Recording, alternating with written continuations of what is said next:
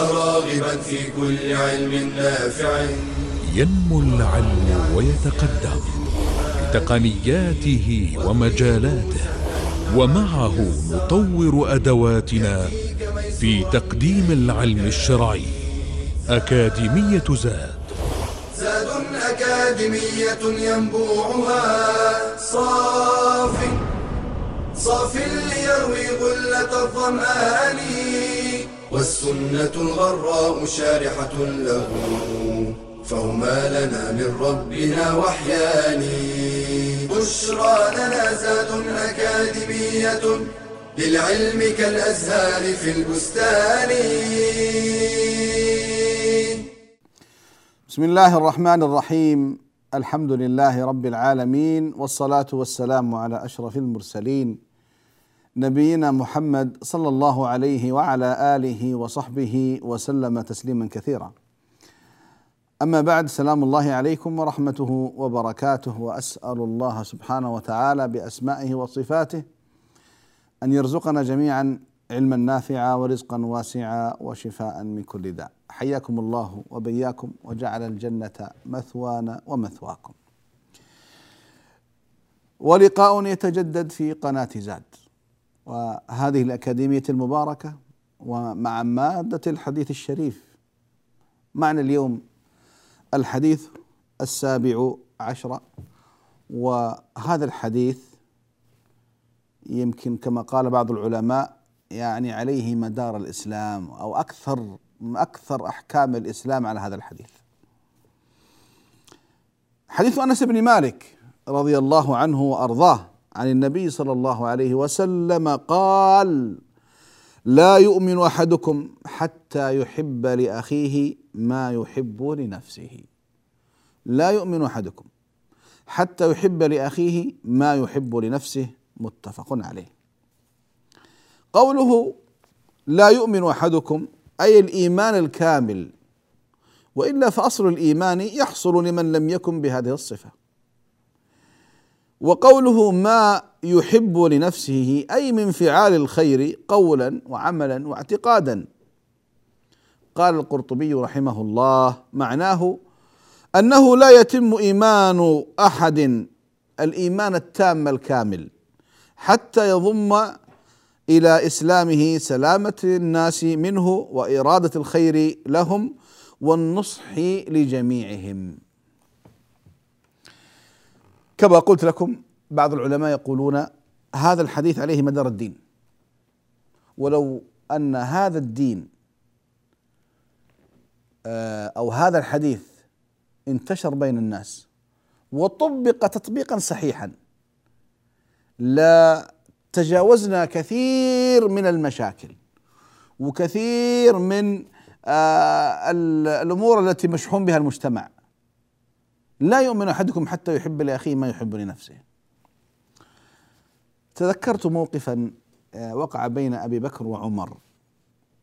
أبو بكر رضي الله عنه وأرضاه يا إخواني لما ولي الخلافة ولى عمر القضاء. فمكث عمر رضي الله عنه وأرضاه سنة كاملة ما حكم بين متخاصمين سنة كاملة. وبعد سنة جاء إلى أبي بكر وقال يا أبا بكر يا خليفة رسول الله ليس لي حاجة في القضاء. قال ومن مشقة ابن الخطاب مشاكل كثيرة قضايا كثيرة. قال لا سنة كاملة ما حكمت بين متخاصمين. طب ليش آخذ راتب؟ فقال أبو بكر لما؟ ما السبب؟ فقال عمر عرف كل ما له فأخذه. وما عليه فأداه. كبيرهم يحترم صغيرهم وصغيرهم يوقر كبيرهم. من غاب منهم افتقدوه ومن احتاج منهم أعطوه ومن مرض منهم زاروه. خلقهم النصيحة والأمر بالمعروف والنهي عن المنكر ففيما يختصمون. سمعتم أيها الأحبة؟ ففيما يختصمون. هذا تطبيق واقعي لهذا الحديث. لا يؤمن أحدكم حتى يحب لأخيه ما يحب لنفسه عرف كل ما له فأخذه وما عليه فأداه. الآن لا أنا آخذ حقي وأطالب حق أخي وحق جاري وحق قريبي. ليش؟ لأن الإيمان ضعيف. الإيمان ضعف في قلوبنا. وبالتالي أصبح الواحد فينا يتلصص ويتجسس ويتحسس ويبحث عن شيء ما هو له وبالتالي ستسود البغضاء والحقد والكراهية والضغينة والتدابر والتحاسد. وهذا كله خلاف ديننا يا أحبابي. هذا كله خلاف ديننا. ولذلك لابد فعلا إذا أردنا أن يكون المجتمع مجتمع مترابط مجتمع سعيد مجتمع سلام مجتمع محبة أن يظهر الإيمان في سلوكياتنا وفي أخلاقياتنا وفي تعاملنا مع بعضنا البعض. سنة كاملة في المجتمع الإسلامي مجتمع المدينة ما هناك مشكلة ما هناك قضية ما هناك خصومة. الآن بعض المحاكم تذهب إليها تريد موعدا قال لك بعد ستة أشهر بعد ثمانية أشهر بعد عشر أشهر. لماذا؟ كثرة المشاكل. كثرة المشاكل في المجتمع. يعني ونسمع عن أشياء الله المستعان. هل هذا مجتمع إسلامي؟ هل هذا مجتمع مسلم؟ ولذلك ذاك الذي ذهب إلى الغرب قديما وقال ذهبت إليهم فوجدت الإسلام ولم اجد المسلمين. ولد الأخلاقيات الظاهرة. نحن أهل الأخلاقيات الظاهرة والباطنة. نحن أهل الصدق في المعاملة. نحن أهل السلوكيات العظيمة. نحن أهل الأخلاقيات العالية. لكن المشكلة ما نريد فقط شعارات نريد عمل تطبيق. الإنسان يطبق دينه. أن يكون هذا الإيمان له أثر. هذه الأخوة لها أثر. وإلا شعارات زائفة وكلام مكذوب ووجوه متعددة ليس وجها واحدا. ولذلك حينما القلوب تصفو والصدور تسمو والنفوس تعلو حينئذ ستظهر في المجتمع الإسلامي الاخلاقيات العظيمة.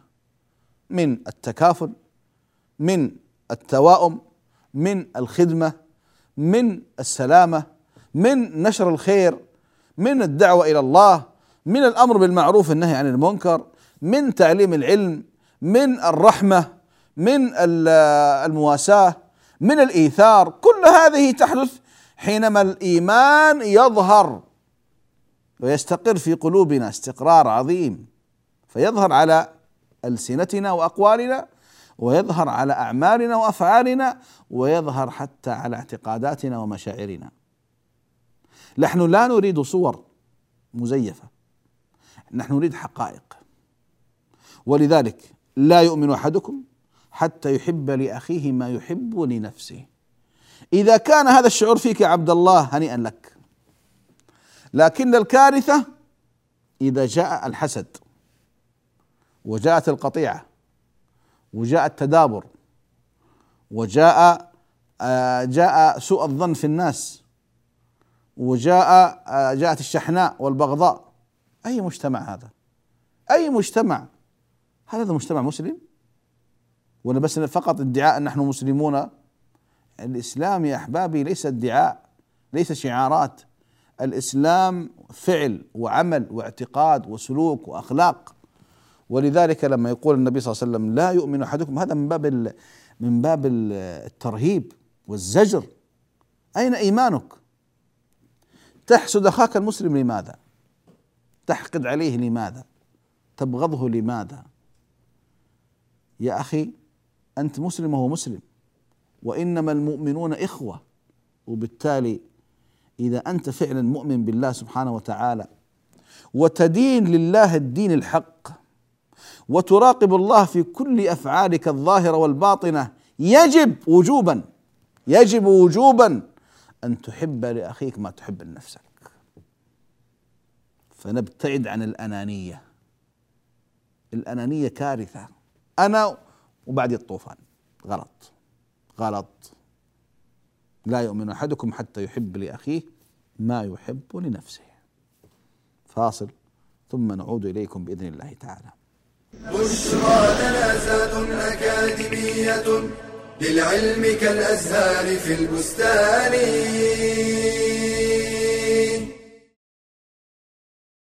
نزل الوحي الإلهي باللسان العربي المبين. قال تعالى انا انزلناه قرانا عربيا لعلكم تعقلون فتعلم العربية يسهل فقه معاني الكتاب والسنة وكلام السلف. وكتب عمر إلى أبي موسى. أما بعد فتفقهوا في السنة وتفقهوا في العربية وعلم النحو هو علم بأصول يعرف منها أحوال أواخر الكلم اعرابا وبناء. والكلمة ثلاثة أقسام اسم وفعل وحرف والاسم منه مذكر كمحمد ومؤنث كعائشة ومنه مفرد كمسلم ومثنى كمسلمين وجمع وهو مذكر سالم كمسلمين ومؤنث سالم كمسلمات. وجمع تكسير كعلماء والاسم منه نكرة كرجل ومعرفة وهو أنواع الضمير كأنا وهم والعلم كأحمد واسم إشارة كأولاء والاسم الموصول كالذي والمعرف بأل كالرجل وبالإضافة كطالب العلم والإعراب هو تغيير أواخر الكلم لاختلاف العوامل الداخلة عليها لفظا أو تقديرا. وعكسه البناء. وأقسام الإعراب أربعة الرفع وعلامته الأصلية الضمه والنصب وعلامته الأصلية الفتحه والجر وعلامته الأصلية الكسرة ويختص بالأسماء والجزم وعلامته الأصلية السكون ويختص بالأفعال. والفعل ثلاثة أقسام ماض كذهب ومضارع كيذهب وأمر نحو اذهب.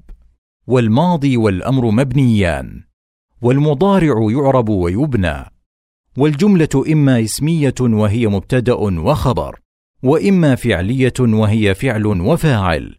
فتعلم النحو واللغة لتفهم نصوص الوحي. فإنه نزل إلينا. بلسان عربي مبين. بشرى لنا زاد أكاديمية للعلم كالأزهار في البستان.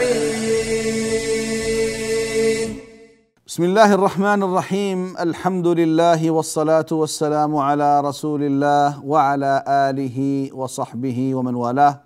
أما بعد سلام الله عليكم ورحمته وبركاته. أحبتي في الله ما زلنا مع هذا الحديث لا يؤمن أحدكم حتى يحب لأخيه ما يحب لنفسه. الآن لو جينا إلى أي مشكلة في المجتمع جينا للطرفين سنجد أن سبب المشكلة عدم تحقق هذا الحديث. عدم تحقق هذا الحديث. لو أن هذا الحديث محقق لما وجدنا مشكلة بين اثنين. الزوج وزوجته. لو حدثت مشاكل بينهم سنعود إلى لا يؤمن أحدكم حتى يحب لأخيه ما يحب لنفسه. وزوجتك هي أختك في الإسلام يعني. أي مشكلة في الدنيا تطرأ السبب عدم تحقيق هذا. ولذلك لو تمثلنا هذا الحديث في تعاملاتنا في سلوكياتنا في أخلاقياتنا صدقوني. كثير من المشاكل الاجتماعية ستنتهي. ستنتهي. يعني شيء لازم كما سمعنا من مقولة عمر رضي الله عنه وأرضاه. تسعين خمسة وتسعين يمكن تسعة وتسعين في المية من مشاكلنا أي لم نحقق حديث لا يؤمن أحدكم حتى يحب لأخيه ما يحب لنفسه. ولذلك الطلاق موجود. المشاكل الاجتماعية القتل الاعتداء على الناس آه، نيل آه، أو أخذ أموال الناس بالباطل آه، التسلط عليهم الجرائم السرقات الرشاوي وقوع في أعراض الناس الفواحش بيع المخدرات والعياذ بالله بيع المسكرات الاشياء كثيرة الجرائم كلها الاجتماعية سببها لا يؤمن أحدكم حتى عدم تطبيق حديث لا يؤمن أحدكم حتى يحب لأخيه ما يحب لنفسه. لذلك لما جاء الشاب مثال جاء رجل أو شاب إلى النبي صلى الله عليه وسلم شاب قوة ونشوة وشهوة. يا رسول الله ائذن لي في الزنا. الصحابة ابتدروه ونهوه وزجروه. قال لا دعوه. تعال ادنوا الآن بدأ النبي صلى الله عليه وسلم يؤسس لهذا المبدأ. ادنوا فجاء الشاب. قال أترضاه لأمك؟ قال لا يا رسول الله جعلت فداءك. قال وكذلك الناس لا يرضونه أترضاه لأختك؟ قال لا يا رسول الله جعلت فداءك. قال وكذلك الناس لا يرضونه أترضاه لابنتك؟ قال لا يا رسول الله جعلت فداءك. قال وكذلك الناس لا يرضونه ترضاه لعمتك لخالتك وهو يقول لا. قال وكذلك الناس لا يرضونه الآن بدأ النبي صلى الله عليه وسلم يؤسس فيه إيش يا إخواني؟ لا يؤمن أحدكم حتى يحب لأخيه ما يحب لنفسه. فمسح على صدره وقال اللهم اهد قلبه وحصن فرجه. يقول راوي الحديث فكان الشاب يمشي فتمر به الضعينة. الضعينة النساء. ما يرفع طرفه إليهن. ما يرفع طرفه إليهن. لماذا؟ أسس فيه النبي صلى الله عليه وسلم لا يؤمن أحدكم حتى يحب لأخيه ما يحبه لنفسه. أنا لا أرضاه لنفسي ولا أرضاه لأخي المسلم. شوف أمك أختك ابنتك عمتك خالتك هذا أقارب الرجل. لو أن كل مسلم وضع هذا نصب عينيه وكذلك الناس لا يرضونه. الآن المشاكل يعني اسمحوا لي أن أقول لكم يعني السلوكيات الموجودة الآن في كثير من المجتمعات. يعني أنت الآن واقف في شرة المرور يأتي هذا يعني من الجنب ثم يأتي ويقف أمامك. طب هذا حقي أنا كيف تأتي؟ تتعدى إلي. بعضهم صدقوني كما سمعت من بعضهم حينما يذهب إلى خارج البلاد أو أقصد إلى الغرب مثلا ها ينضبط بالأخلاقيات. ما يتعدى على أحد ولا يأخذ مكان أحد ولا يسقط على أحد. ولا ينال من حق أحد. لماذا؟ طب لماذا نطبق هناك وما نطبق هنا؟ نحتال. نحتال. أمس كنت في آه، قيام بعزاء توفي رجل رحمة الله عليه. طيب الناس مكتظون في سرة لتقديم العزاء في المقبرة. فيأتي بعض الناس متأخر ثم يذهب ثم يأتي في المقدمة آه، ويسقط على الناس طيب. نحن في عزاء والناس في الشمس لهم نصف ساعة وأكثر وأنت جاي تبغى الأجر. حتى في هذه يعني أنا يعني آخذ السبق ثم أعزي وأذهب. طيب والناس الذين واقفون؟ أنا حقيقي تبسمت. يعني حتى وأنت جاي تبغى تبغى الأجر لا لا لازم أنال من حقوق بعض الناس وأتقدم على بعض الناس بغير وجه حق. أقول أيها الأحبة نحتاج هذا الأمر في حياتنا كلها. يا أخي يا أخي إذا انضبطنا في سلوكياتنا وتعاملنا الانسان قد يخطئ. طيب إذا أخطأت إيش تسوي؟ يا أخي اعتذر. وأنا إذا أخطأت أنا أعتذر. وهكذا المجتمع. يعني لن نقول نحن معصومون لا لكن الإنسان لا يتعمد الخطأ. وإذا أخطأ يا أخي أنا أعتذر صدقني أو صدقوني. وجدت أن الأخلاق حينما نتعامل فيها مع بعضنا البعض تأسر الناس. قد أنت تخطي خطأ لكن بمجرد أن تعتذر تجد اللي قدامك يبتسم. يبتسم. جبلت النفوس على حب من أحسن إليها. أنت الآن أسأت بخطأ مقصود أو غير مقصود. بمجرد أن تعتذر انتهت المشكلة. صفيت النفوس. لذلك أقول أيها الأحبة نحن نحتاج أن نفعل هذا. اولا أو ان نعرف قيمة الأخلاق في المجتمع. قيمة الأخلاق مهمة. حتى ننضبط مع بعضنا أن نضبط الأخلاق فيما بيننا. النبي صلى الله عليه وسلم آه، يقول آه، يزيد بن أسد القسري قال لي رسول الله صلى الله عليه وسلم تحب الجنة؟ قلت نعم. قال فأحب لأخيك ما تحب لنفسك. الله أكبر. هذه قاعدة في الأخلاق. لأن الأخلاق كما مر معنا سابقا أيها, أيها الأحبة أخلاق مع رب العالمين. أخلاق مع رسول رب العالمين. أخلاق مع الآخرين أخلاق مع النفس. أخلاق مع النفس. فالتعامل مع الله عز وجل يحتاج أخلاق.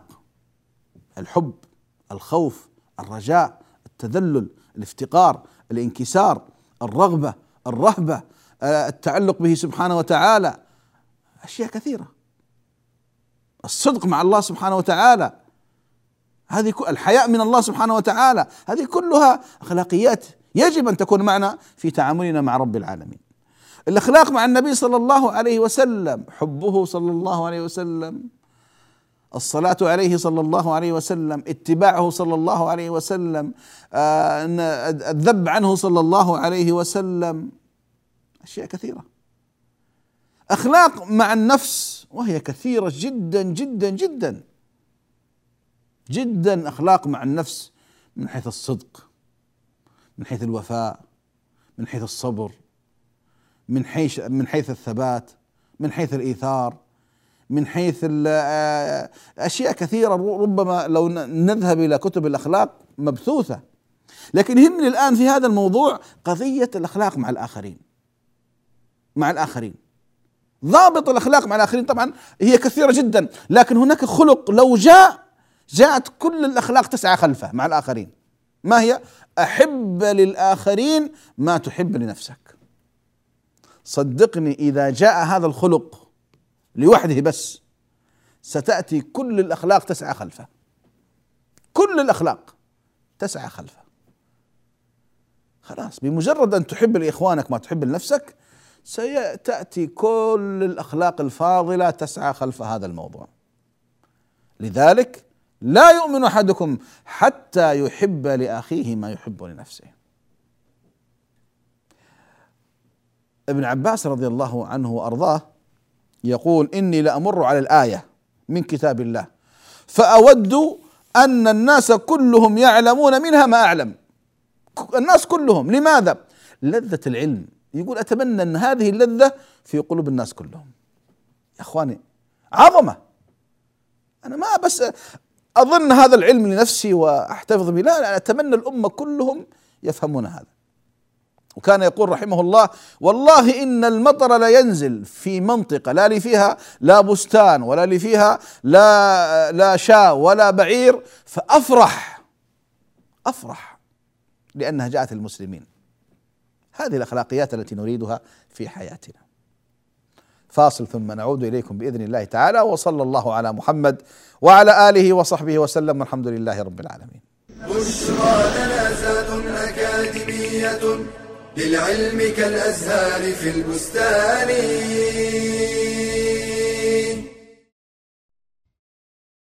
في عالم سريع التغير هائل التأثير تتعاظم أهمية دور الوالدين في تربية الأبناء وتنشئتهم النشأة الصالحة المبنية على الرقابة الذاتية فهو عالم خطير متنوع بأدواته التكنولوجية وبما ينتجه من قيم وأفكار وملهيات تمارس دورا ملاحظا وملموسا في تكوين وتشكيل عقول أبنائنا ونفوسهم. وقد أكد الإسلام دور الوالدين العظيم وجعله مسؤولية مشتركة بينهما. وعبادة يحاسبان عليها. قال رسول الله صلى الله عليه وسلم والرجل راع في أهله وهو مسؤول عن رعيته والمرأة راعية في بيت زوجها ومسؤولة عن رعيتها. وما دامت تربية الأولاد عبادة فكل ما يبذله الوالدان لينجحا في القيام بهذا الدور من جهد ووقت وصبر. وبحث وتعلم لأبرع الوسائل وأفضل الأساليب في التربية والتوجيه. كل هذا يحسب في ميزان حسناتهما كما أن كل تقصير أو إهمال قد يؤدي إلى انحرافات يكون أول من يعاني آثارها الوالدان في الدنيا فضلا عن حساب الآخرة ومهما تنوعت أساليب التربية وتطورت وتعددت مهاراتها تبقى أقرب طرق إلى النجاح والقبول والسلامة في التعامل مع الأبناء. هي الاحترام والحوار المقنع الهادئ المبني على تفهم واضح ومحبة صادقة تراعي احتياجاتهم وطبيعتهم العمرية والعقلية مع الدعاء الدائم بالتوفيق والسداد وصلاح النفس والنية والذرية ليستمر اجتماع الأسرة في الدنيا والآخرة. قال تعالى والذين آمنوا واتبعتهم ذريتهم بإيمان ألحقنا بهم ذريتهم وما ألتناهم من عملهم من شيء كل امرئ بما كسب رهين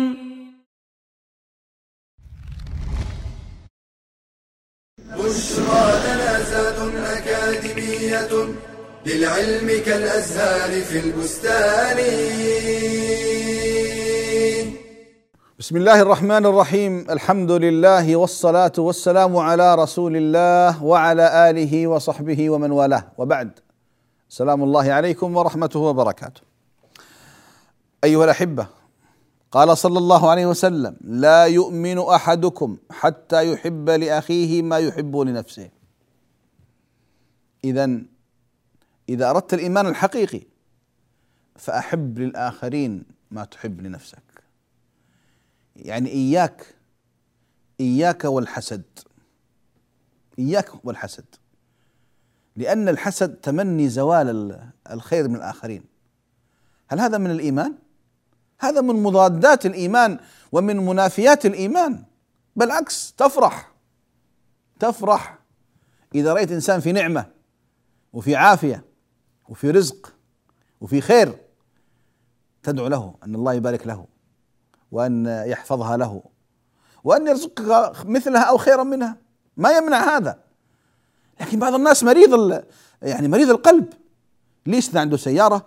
وليش ذا عنده عمارة؟ وليش ذا عنده وظيفة؟ وليش ذا عنده منصب؟ وليش هذا ما هو مريض؟ وليش هذا يمشي برجوله؟ وليش هذا ما هو كذا؟ طيب ليش يا أخي؟ يا أخي النية النية مطية. بمجرد أن تتحكم في نيتك تكسب من الأجور ما الله به عليم. والله فقط النية. يعني شوف لو لم تتكلم أو تفعل أو تصرف أو كذا بس فقط النية التي في قلبك. حينما ترى إنسان في نعمة فتفرح أنه جاءته هذه النعمة كم لك من الأجر؟ كم لك؟ يمكن ما يخطر في بالك. ولذلك أيها الأحبة موقفنا من نعم الله على الآخرين. إذا شفت إنسان أنعم الله عليه بشيء فافرح. وادعو الله له أن يبارك له فيها. يا أخي أنت ماشي في طريق شفت عمارة جميلة كبيرة. الله ما شاء الله تبارك الله الله يبارك لصاحبها. يعني شوف كم سيأتيك من خير من الله. عندك ملك يقول ولك مثله. ولك مثله. أما قضية الحسد لماذا؟ أهم يقسمون رحمة ربك. لذلك أيها الأحبة ترى حب الخير للغير هذه من نعم الله على الإنسان. وهذا من فضل الله عليك. إنسان في عافية تحمد الله. نسأل الله يعينه ويكمل عافيته ويحفظ عافيته. أبناء صالحون لرجل ما أو امرأة ما الله يبارك له فيهم. وهكذا. دائما دائما دائما كن سعيدا إذا رأيت نعم الله على الآخرين. والله قد يأتيك من الله ما لا يخطر في بالك. ما لا يخطر في بالك. ولذلك دائما إذا رأيت نعم الله على الآخرين افرح واسعد. وادعو لأهلها بالثبات والبركة والنماء والزيادة. وستجد خيرا من الله سبحانه وتعالى. لأن الله عز وجل يحب هذا الصنف من الناس. دائما الإنسان اللي اللي, قلبه طاهر نفسه نفسه كريمة سخية الله يحبهم. لأن الله يحب الذين يتصفون بصفاته التي تتناسب مع خلق الناس. بمعنى الراحمون يرحمهم الرحمن. الله عشان الله رحيم فيحب الراحمين. الله كريم يحب الكرماء الله سخي يحب الأسخياء وهكذا. فلذلك إذا رآك الله عز وجل وأنت تحب لعباده الخير كم سيعطيك؟ كم سيأجرك؟ كم سيمنحك؟ يمكن لو طلبت بلسانك يعجز لسانك عما سيعطيك الله سبحانه وتعالى فالله إذا أعطى أدهش. اذا موقف المسلم من النعم على الآخرين يفرح بها. طيب موقفنا من إذا رأينا البلاء نزل بالآخرين. ها؟ إذا رأينا البلاء ينزل بالآخرين. يستاهل ها؟ يستاهل. ليته أكثر. الله يزيده. لا لا لا لا لا. ما هي صفات المؤمن هذه؟ ما هي صفة المؤمن؟ نسأل الله أن يعافيه ولا يبتلينا. نسأل الله أن يعافيه ولا يبتلينا. هكذا أنت تكون إيجابي في حياتك. يعني ما تحمل نفسك حقد وحسد وغل وبغض وشحناء وكره. لا ما هي صفات المؤمن هذه؟ ولا صفات المؤمنة. بل إذا رأيت إنسان قد ابتلاه الله بمرض ولا عاهة ولا مصيبة بل من السنة إيش تقول؟ الحمد لله الذي عافاني مما ابتلاه به وفضلني على كثير ممن خلق تفضيلا. فيعافيك الله من هذا البلاء ولا يبتليك. وادع الله له. واحمد الله إن سلمك الله من حاله. واسأل الله ادعو الله له. يا أخي هذه أقل شيء تسويه لك. تسوي لأخيك المسلم لأختك المسلمة. أن يكون المجتمع رحمة رحمة.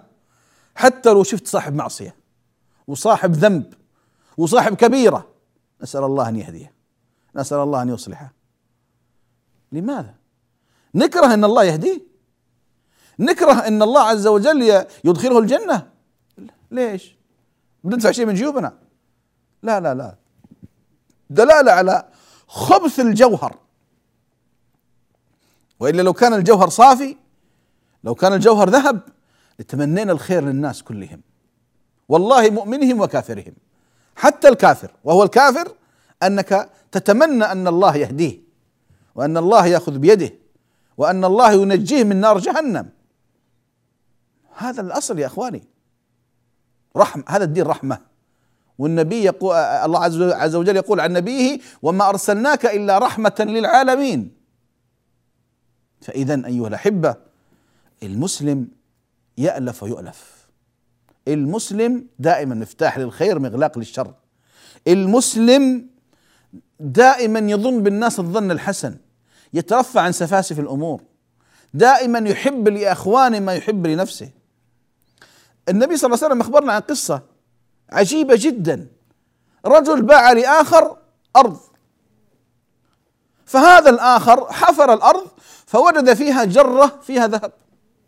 إيش قال؟ دسها خبأها وسكت. أخذ الجرة وذهب لصاحب الأرض. اللي اشتراها منه. يا فلان أخذت منك الأرض وما أخذت منك الذهب. هذا وجدته في أرضك فخذ هذا ذهبك. الآخر ما هو قال بس بيض الله وجهك هات. قال لا لا أنا بعتك الأرض اللي فيها. بارك الله لك فيها. قال لا لا هذه مي حقتي. هذه لك أنت. قال لا أنا بعتك الأرض واللي فيها. شوفوا يا إخوان كيف يختصمون. يختصمون من أجل إيش؟ النفس ولا الآخر لا الآخر. فذهبوا إلى رجل يحكم بينهم. هذا يقول أنا اخذت الأرض ما اخذت الذهب. وهذا يقول له أنا بعت الأرض باللي فيها. فكان حكيما. فقال الأول عندك آه، يعني عندك أبناء؟ قال عندي ولد. قالوا انت عندك؟ قال عندي بنت. قال خلاص حلنا المشكلة. زوج البنت للولد واجعل هذا مهرهم. وحلت المشكلة. هذا حديث حديث صحيح في القصص النبوي انظروا كيف انظروا النفوس علوها سماحتها صدقها ويخبر بها النبي صلى الله عليه وسلم بعد آلاف السنين. ونحن نتناقلها من النبي صلى الله عليه وسلم. لا يؤمن أحدكم حتى يحب لأخيه ما يحب لنفسه إذا هذه أخلاق أخلاقيات الإسلام أخلاقيات النبوة أن لابد أن يشاع بيننا هذا الأمر أن نشيع بيننا أن نربي أبناءنا وبناتنا وطلابنا وطالباتنا على قضية إيش؟ لا يؤمن أحدكم حتى يحب لأخيه ما يحب لنفسه. تبغى الجنة؟ اذا احب للناس كلهم. تخاف من النار؟ اذا اسأل الله أن يعصم الناس من النار. وكن دائما هكذا. نفسك إيجابية، نفسك حرة، نفسك كريمة، نفسك سخية، بعيدة عن الحقد والتوتر والضغينة، لا لا لا. نحن مجتمع واحد مترابط. المسلم أخو المسلم. لا يظلمه ولا يسلمه ولا يحقره. إذا هذه أخلاقيات الأمة أيها, أيها الأحبة. إذا نحن كمجتمع لا بد أن تظهر هذه بيننا. بكل متانه الكلمة. بعيد عن التصنع. بعيد عن الكذب. بعيد عن الزور. لا لا لا. أحب لي ما تحبه لنفسك. وأنا كذلك أبادرك نفس الشعور. يا الله كم ستكون مجتمعاتنا فيها صدق وحب وألفة وأخوة وقرب وسعادة. أسأل الله العظيم رب العرش الكريم أن يوفقنا وإياكم لكل خير وأن يجعل أعمالنا خالصة لوجهه الكريم وأن يجعلنا وإياكم جميعا مفاتيح للخير مغاليق للشر وأن يغفر لآبائنا وأمهاتنا وأن يصلح نياتنا وذرياتنا. وصلى الله على محمد وعلى آله وصحبه وسلم والحمد لله رب العالمين. يا راغبا في كل علم نافع متطلعا لزيادة الإيمان. وتريد سهلا النوال ميسرا يأتيك ميسورا بأي مكان.